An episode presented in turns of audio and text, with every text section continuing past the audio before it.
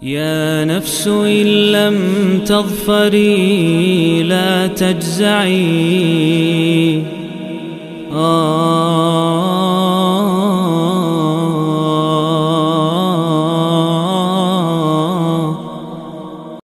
بسم الله الرحمن الرحيم الحمد لله والصلاة والسلام على رسول الله أما بعد masih di serial 114 hari menjelang Ramadan.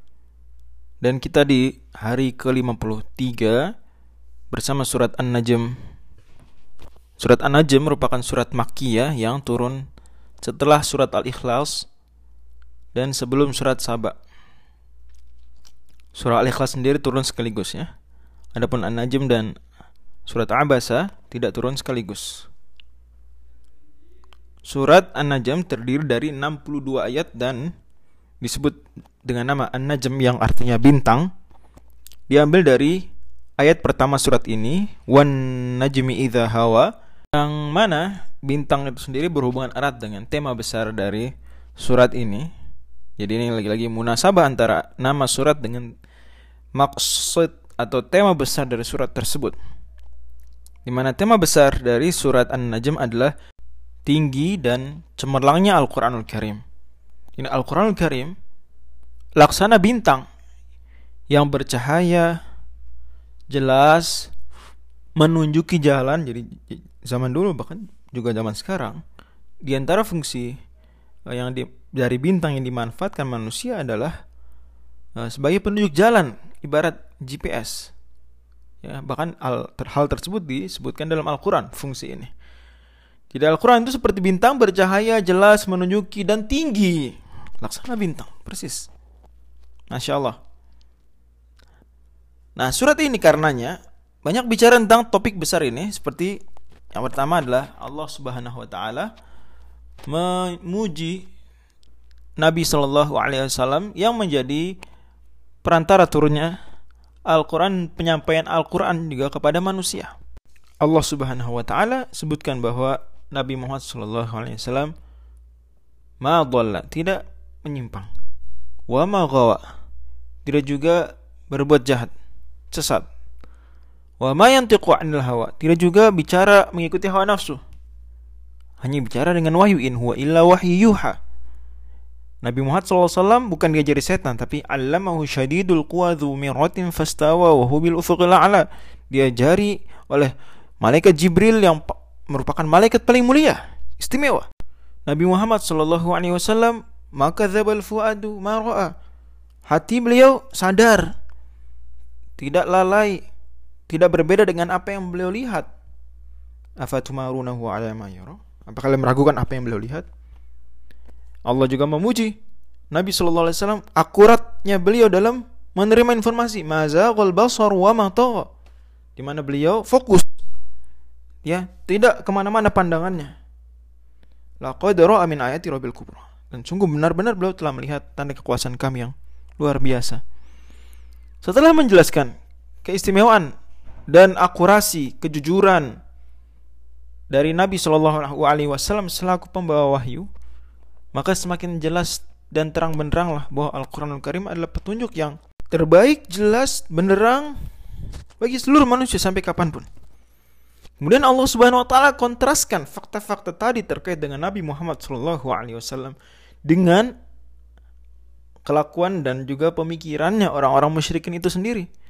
Allah Subhanahu wa taala jelaskan bahwasanya alakum dzakar wal tilka idzan qismatun dhiza bahwa mereka tidak logis dalam berakidah. Misalnya mereka mengklaim bahwasanya malaikat-malaikat adalah putri-putrinya Allah, anak-anak perempuannya Allah. Padahal di saat yang sama, mereka sendiri tidak suka punya anak perempuan dan sebagian di antara mereka ada yang bahkan mengubur hidup-hidup bayi perempuannya. Kan tidak logis. Tilka idang qismatun dhiza. Kemudian nama-nama daripada berhala-berhala mereka atau nama-nama yang mereka klaim sebagai malaikat anaknya Allah Subhanahu wa taala, itu yang nama-nama yang kalian karang-karang saja tidak berdasarkan wahyu. Mana yang lebih layak dipercaya, keyakinannya mereka atau keyakinan yang diajarkan oleh Rasulullah Sallallahu Alaihi Wasallam? Belum lagi apa yang dibawa oleh Nabi Muhammad Sallallahu Alaihi Wasallam bukan hanya ajaran beliau semata sendiri yang baru saja beliau bawa, Tidak ada orang lain sebelumnya yang mengajarkan hal yang sama. Tidak seperti itu. Justru ajaran beliau itu juga ajaran para nabi sejak manusia pertama. Perhatikan, sejak manusia pertama. Manusia pertama adalah nabi, Nabi Adam alaihissalam. Sampai Nabi Muhammad wasallam. Ajarannya sama. Makanya Allah firmankan ya di ayat ke-33 fara'aita alladhi tawalla wa a'ta qalilan wa akda a'indahu ilmul ghaibi fa huwa yara am lam yunabba bima fi sufi Musa wa Ibrahim alladhi waffa Allah tunjukkan betapa mereka orang-orang musyrikin itu berpaling kikir mengaku punya ilmu padahal tidak bandingkan dengan Al-Quran yang ternyata terbukti menjadi penerus ajaran para nabi sejak manusia pertama. Kemudian Allah Subhanahu wa taala mengajak berfikir. Ya, manusia khususnya orang-orang musyrikin Makkah dengan paparan ayat-ayat kauniyahnya di surat ini. Dan bahwasanya tidak boleh seseorang mengklaim suci. Fala tuzaku anfusakum. Huwa a'lamu man ittaqa. Kalian mengklaim kalian ini benar, suci akidahnya, padahal kalian berpaling dari Al-Qur'an yang merupakan firman Allah, petunjuk dari Allah, terang benderang, jelas, tinggi, mulia. Kalau ingin mencapai kesucian, bukankah harusnya mengikuti ajaran Allah Subhanahu wa taala bukan malah berpaling darinya? Pertanyaan. Maka di akhir surat Allah Subhanahu wa taala tegur keras mereka, "Afa min hadzal hadits ta'jabun?" Apa dengan Al-Qur'an ini kalian merasa keheranan? Wa tadhakuna wa la tabkun. Kalian tertawa saja. Tidak menangis merenungi, bertadabur, takut pada Allah wa antum samiluna fasjudu lillahi wa'budu maka Allah Subhanahu wa taala suruh para pembaca dan pendengar surat An-Najm untuk untuk bersujud dan ayat di ayat sajadah di surat An-Najm ini merupakan ayat sajadah yang pertama turun sebagaimana hadis riwayat Bukhari. Bahkan orang-orang musyrikin juga diriwayatkan mereka apa? Ketika mendengar surat An-Najm dibacakan Nabi Shallallahu alaihi wasallam dan begitu menyentuh dan kuat betul surat An-Najm sangat kuat luar biasa mereka ikut sujud tanpa sadar. Saking tunduk patuhnya bukan karena mereka muslim enggak tunduk patuh dan sampai ada yang mengira memang mereka muslim karena itu padahal mereka memang terpengaruh dengan kuatnya. Di antara salah satu faktor utamanya ya kuatnya apa? Pesan-pesan Al-Quran itu disampaikan di surat An-Najm. Bahkan beberapa orang musyrikin yang malu dan enggan sujud mereka ambil tanah kemudian ditaruh di di dahinya saja.